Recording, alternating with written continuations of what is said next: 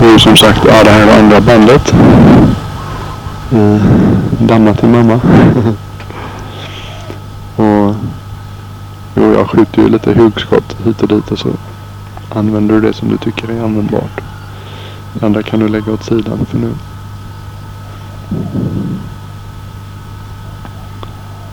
Eh, tänkte komma tillbaks lite mer till meditation.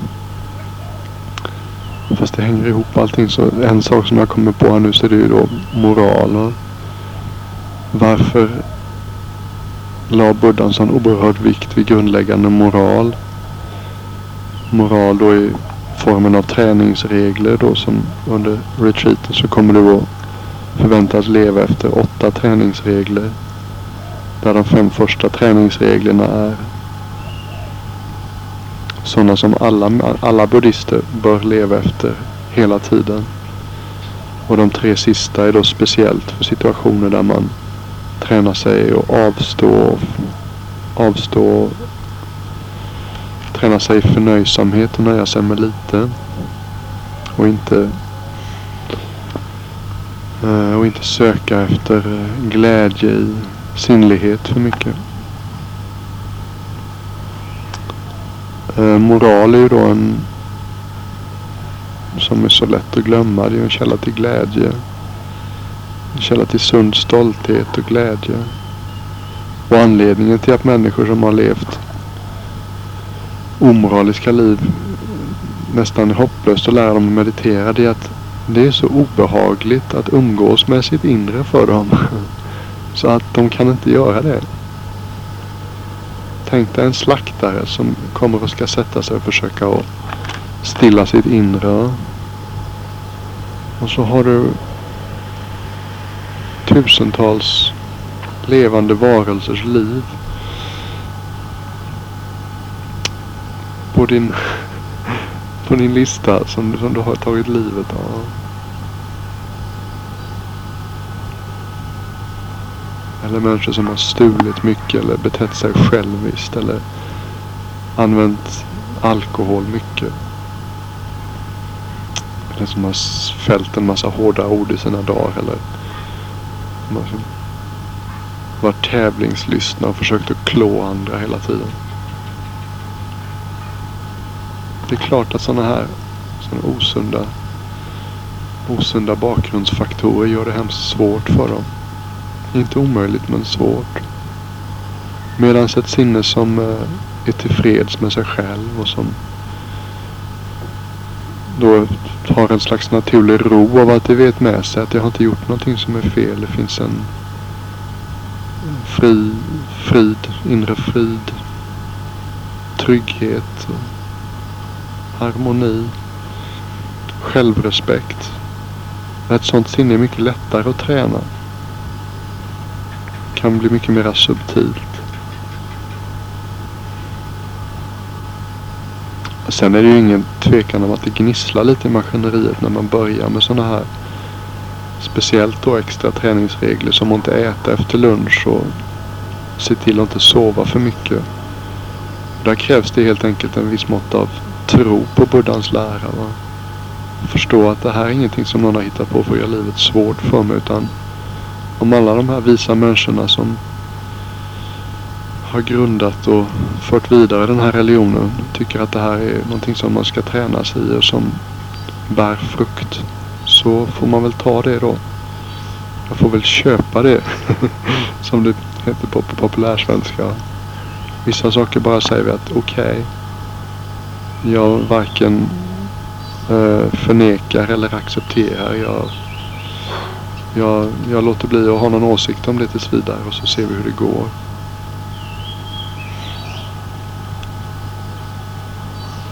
Och du kommer säkert möta mycket av det att sådana här grundläggande begär kommer att, kommer att dyka upp. Va?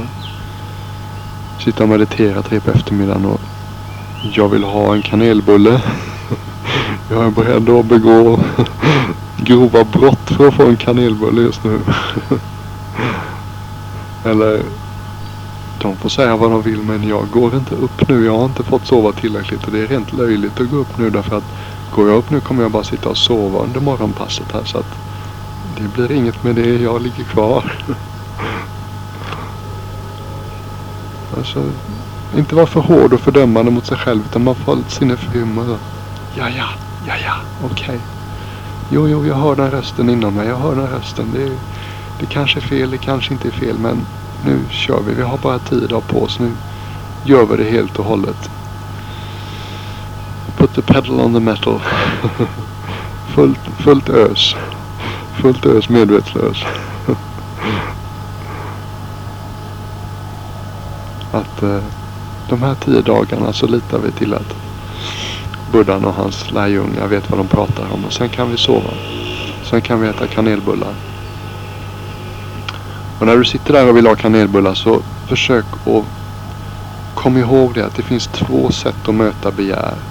Det ena som vi alltid, eller i 99% av fallen gör om vi har möjlighet, så är det att vi tillfredsställer dem. Det är väldigt få människor i den här världen som inte går ut i köket och hittar några kanelbullar i brödlådan. I den situationen som man då är i. Men en buddhist, en meditatör, speciellt under retreat, säger okej, okay, det här är inte tillfället. Det här är inte tillfället för kanelbullar.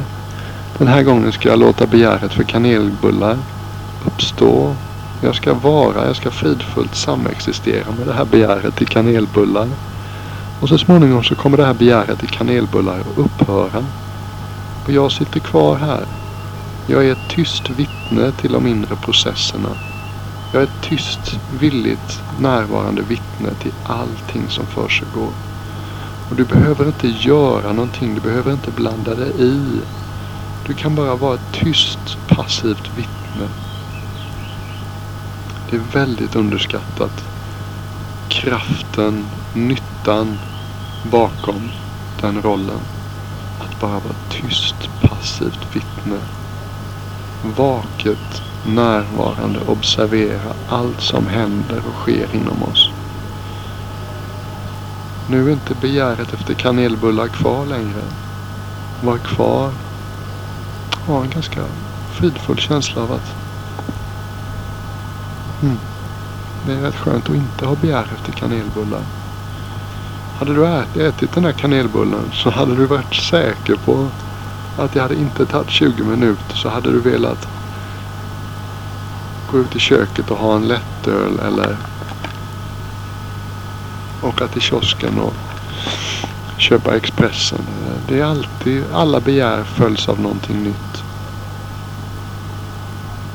Det är inget fel på begär. Det är inget vi behöver skämmas för. Men vi behöver inte alltid tillfredsställa dem. Då blir det som en katt. Nej, en katt som vi matar varje dag. Om vi slutar att ge den mat varje dag så slutar den så småningom att komma förbi och hälsa på. Och då börjar vi leva ett liv där begären vi har blir allt färre. Och när vi har allt färre, färre begär. Med begär så menar jag både måtte jag få det jag tycker om och också begäret måtte jag slippa det jag inte tycker om. Och när det här begär, floden av begär börjar sakta upp så börjar det bli mer rymligare inombords. Du börjar få mer plats. Om du vill kan du säga att du tar inte upp så mycket plats själv. Du är inte fullt så upptagen med dig och ditt lilla drama, din lilla värld. Dina små det här vill jag, det här vill jag inte, det här tycker jag om, det här tycker jag inte om, det här får absolut inte hända och det här måste hända och hans han vill ju att han ska komma, han får inte komma. Och han ska vara sån och hon ska vara sån. Och när alla de här begären att saker och ting ska vara på ett visst sätt, när de börjar sakta av. Så börjar det öppna sig rymligare, mera accepterande, mera kärleksfullt och närvarande sorts uh, hjärta inne i oss. Och det är det här som kallas för Buddha. Buddho inte ett personnamn. Personens namn var Siddhartha Gautama. Men han vaknade upp. Han Buddho. Buddha, den uppvaknade.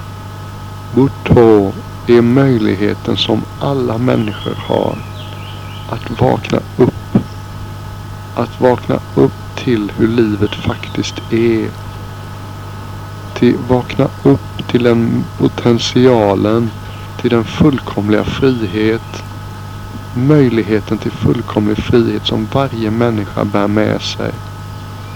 Och som det är det enda viktiga, det enda riktigt viktiga i livet. Det är att odla den möjligheten. Få den att växa så mycket som möjligt under det här korta livet. Vi är så oerhört gynnsamt och lyckligt lottade. Att vi har fötts in i ett land som har varit i fred i hela vårt liv. Till yttre omständigheter där vi aldrig har behövt oroa oss för mat och husrum vår fysiska säkerhet har varit tryggad. Vi har kunnat äta vad vi vill, göra vad vi vill, resa vart vi vill. I, stora grad, I stor utsträckning umgås med vem vi vill. Vi har en frihet, en valmöjlighet. Och vi lever på jorden i en tid då Buddhas budskap är känt. Vi lever i en kultur där Buddhas budskap finns tillgängligt även om det inte är en buddhistisk kultur. Det är en sällsynt lycklig lott vi har fått. Och vi ska inte slösa bort livet med att fylla det med allting som vi tycker är inte bra, allting som vi vill ska vara annorlunda. Utan vi är storsinta nog att säga att livet är som det är. Jag tänker inte låta livets tillkortakommanden bära ner mig och förmörka min syn utan jag tänker använda min korta tid jag har i det här livet till att vakna upp. Till att odla och förädla och få det som är gott i oss. De, det som är riktigt och rätt i mig och växa så mycket som möjligt. Och jag ska göra en lika stor ansträngning att lämna därhän allting som är litet egoistiskt, ont, illasinnat, dumt och okunnigt i mig. Allt det ska jag i största möjliga utsträckning lämna därhän. Här kallas att vakna upp. Och det kommer du se när du kommer umgås mer med munkar så kommer du upptäcka att munkar som har varit med ett tag och som har använt det här livet på ett konstruktivt sätt de är ganska tillfreds i de flesta omständigheter. Det har tystnat inuti dem så mycket så de har plats för andra människor i sina liv. De är fullt tillfreds med att bara försöka vara till nytta för människorna runt omkring dem.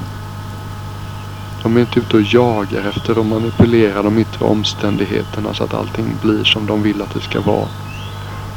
Utan jag tar det som det kommer. Jag är nöjd med vad som presenteras. Mm, ja, det är inte hur vi har det, det är hur vi tar det.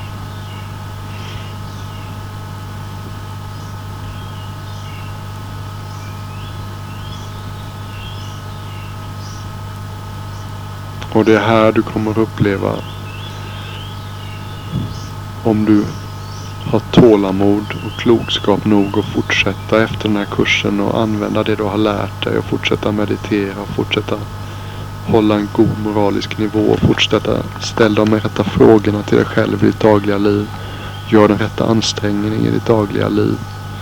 Så kommer du så småningom att få smaka på den här friheten att ja, ja, vad som än händer. Jag är redo vilka omständigheter jag än presenteras med, vad som än händer i mitt liv. Jag är villig och redo att träna med det. Buddhism är en träning. En träning av hjärtat.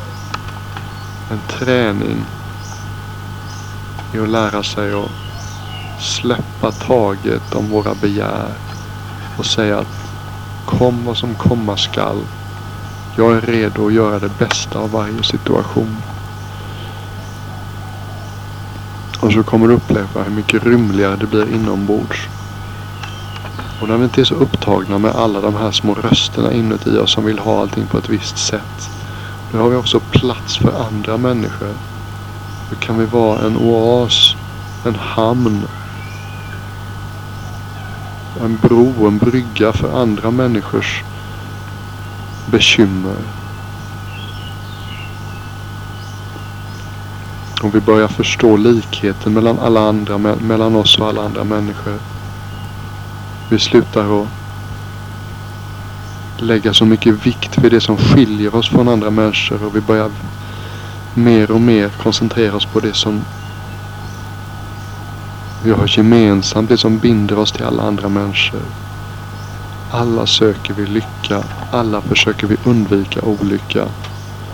Och hur framgångsrika vi är i det här arbetet det beror på hur mycket visdom, hur mycket förståelse vi har skapat och vi har till godo i våra liv.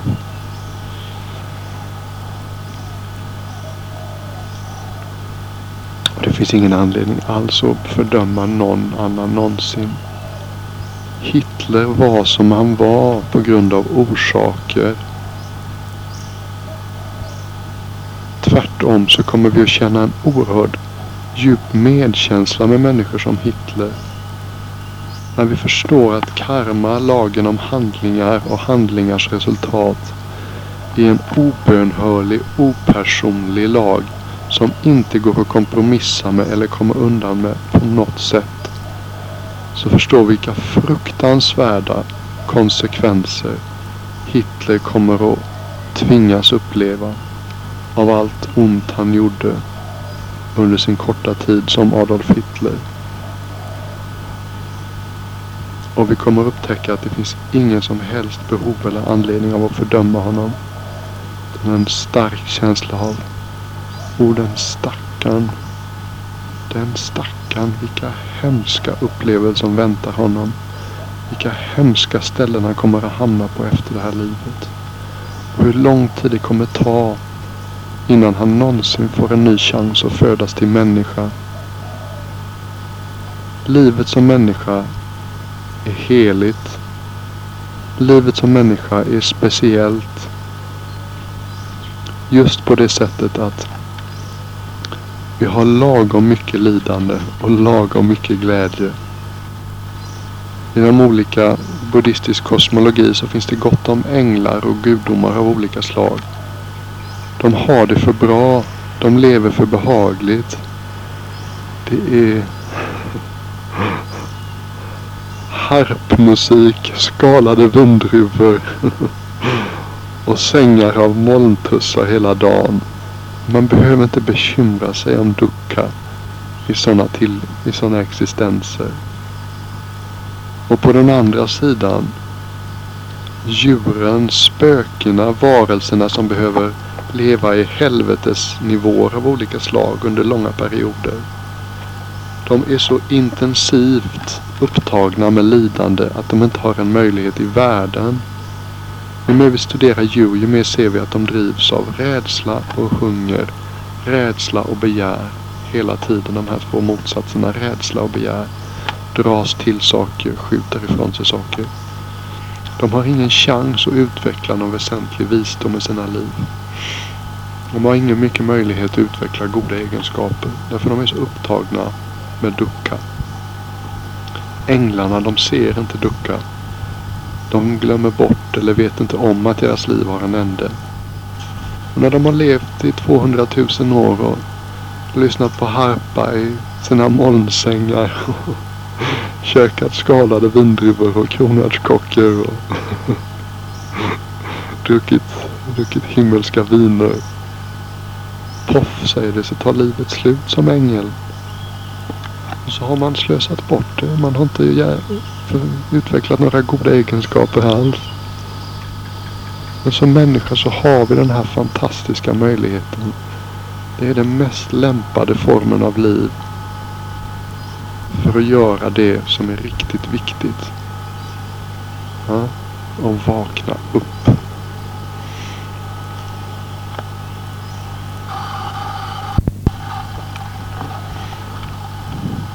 Och det här då ett på en av kyrkogårdarna i Göteborg som ligger nära Samskolan. Jag jobbade som du kanske minns som vikarie på Samskolan ett tag. Och så, så finns det en bronsskylt ovanför ingången, en av ingångarna till den här gravplatsen. Och så står det med, några gammaldags bokstäver. Tänk på döden. Ganska märkligt budskap tycker man. Hemma. Här i Thailand finns det flera munkar som är liksom folkkära predikanter. Som säger att tänk på döden åtminstone tre gånger varje dag. Varje morgon. Varje dag under dagen en gång. Minst. Och varje kväll innan du lägger dig en gång. Varför då? Det finns många skäl till det. Vi lever som om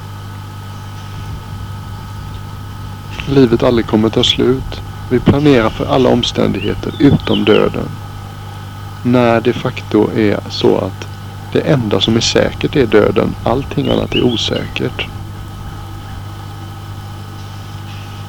Det här är inte stunden. Jag tänkte så småningom göra en, en dödsmeditation om jag får tid. Men inte idag.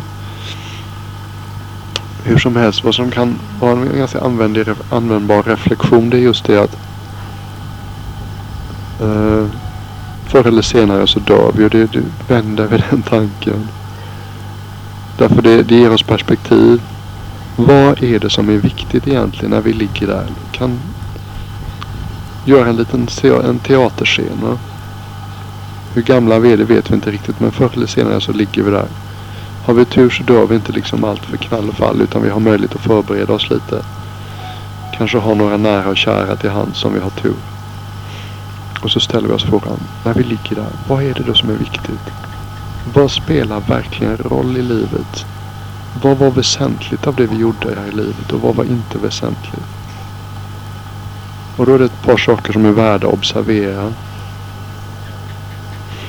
En sak som är värd att observera det är då den ganska uppenbara sanningen att alla våra egendomar, allting vi äger, alla våra prylar kan inte hjälpa oss på något sätt överhuvudtaget. Du kan kanske tycka att, eh, att ha ett fett bankkonto kan vara till viss hjälp därför då kan man få den bästa möjliga läkarhjälpen och jo visst det stämmer. Men läkare kan ju inte rädda oss från döden heller. Till och med läkare själva de dör också. Och jo visst i viss mån kan man kanske avhjälpa viss smärta men i ett tillfälle till i ett land som Sverige så är det ju faktiskt smärtstillande är tillgängligt för alla människor så att något bekvämare men, men hur som helst va, den, den materiella välfärden vi har skapat i våra liv den kan inte hjälpa oss alls. Va? Vi är nakna precis som vi kom in i världen. Och så får vi inte glömma att läkarvetenskapen är rätt begränsad. Men med allt, alla pengar som har gått in i det så har de fortfarande inte lyckats lära sig att bota en vanlig förkylning. Så att det är viktigt att komma ihåg det. Man har lätt övertro på läkarvetenskapen. Men det är trots allt bara till, tillfällig förbättring de kan åstadkomma inom ett begränsat antal sjukdomar. Och sen tänker vi på människorna som står runt omkring oss. I bästa fall många av ens nära och kära. De kan inte heller hjälpa oss. Precis som vi kom in i den här världen alldeles ensamma. Så måste vi lämna den här världen alldeles ensamma. Här sa Ajahn Chah. Har du kommit till Wat Papong för att dö? Du måste dö innan du dör. Och det är ett ganska lite otäckt kanske sätt att uttrycka saker men just det. Allt som vi inte har släppt taget om tidigare tvingas vi släppa taget om när vi dör. Så det är lika bra att släppa taget om allting innan dess. Ja, och det här kommer de här bindningarna, relationerna in till andra människor. Om vi redan innan har förstått att andra människor de gör sin egen karma, lever sina egna liv och är som de är på grund av orsaker och faktorer. De flesta av dem långt bortom vår kontroll. Vi förstår att det är tillfälligt, det är Annie Chang. Du har fått välsignelsen att vara tillsammans med en man som pappa under en så stor del av ditt liv. Det här kommer ta slut en vacker dag. Dels gör den vetskapen att ni tar bättre hand om varandra den tiden, den korta tiden ni har kvar. Och dels vetskapen om att ni måste skilja så småningom. Eh, hjälper er att släppa en bindning. Ta farväl av allting innan du tvingas att ta farväl av allting genom döden. Därför då när det är dags att ta farväl så kan du göra det med ett stilla sinne. Och när jag säger ta farväl av då säger människor runt omkring så menar jag inte alls att man ska sluta bry sig om dem utan tvärtom nyktra till och förstå eh,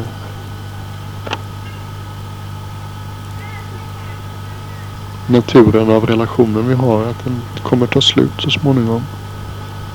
Hur värdefull den än är.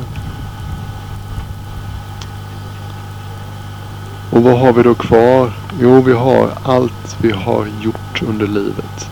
Alla våra handlingar. Det är det som buddhisterna kallar all vår karma. Som jag tycker är lite, lite lurigt att använda termen karma eftersom den har så mycket konstiga konnotationer. Men det betyder handling alla handlingar i tal, i tanke och i kroppsliga handlingar. Allting vi har gjort, allt vi har sagt, allt vi har tänkt. Det här är vårt enda bagage. Kroppen lämnar vi bakom oss. Det finns numera en uppsjö av rapporter från alla kulturer om nära döden upplevelser och det verkar fullständigt samstämmigt att så småningom så lämnar man kroppen och så ser man den ligga där nere och sen är man på väg någon annanstans.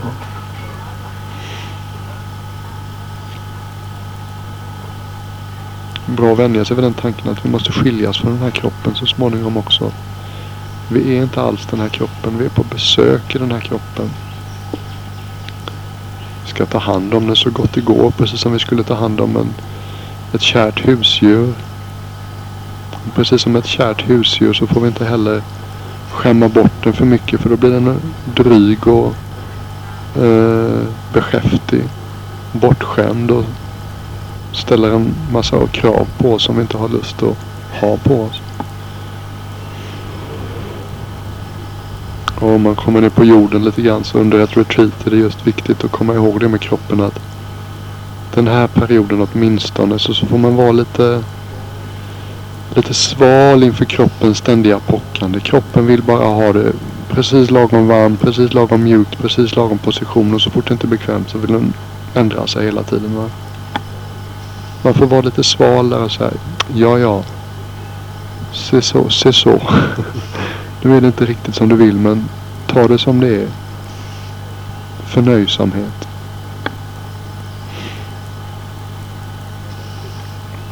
Och när man fullständigt inser att karma, att alla handlingar vi gör i tal, tanke och handling. Kroppslig handling om du så uh, eh, Att det här är det enda som vi tar med oss ut ur livet. Så får livet ett jättestort och nytt värde. Och vi blir helt plötsligt väldigt noga med att inte göra någonting dumt. Inte fälla hårda ord. Inte gå och, gå och gnälla inombords på någon annan. Inte skada andra varelser med kroppen genom säg fiske eller jakt eller vad det nu kan vara.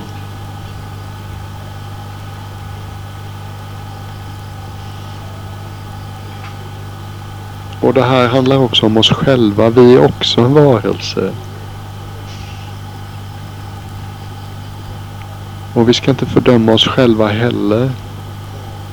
Det är en mycket svalare attityd än så. Det är inte jag, Kylle Lindeblad, är hopplös. Jag har de här och de här personlighetssvagheterna som jag aldrig kommer lära mig därför att jag är så hopplös. Utan det är också orsaker och faktorer och genom att, genom att sätta till orsaker som leder i rätt riktning och att inte göra fler handlingar som är orsaker och faktorer till att eh, stödja det felaktiga beteendet så kan vi växa i rätt riktning. Kylle Lindeblad är också en varelse som är värd all vår kärlek, acceptans, förlåtelse, välvilja, all kärlek. Ja.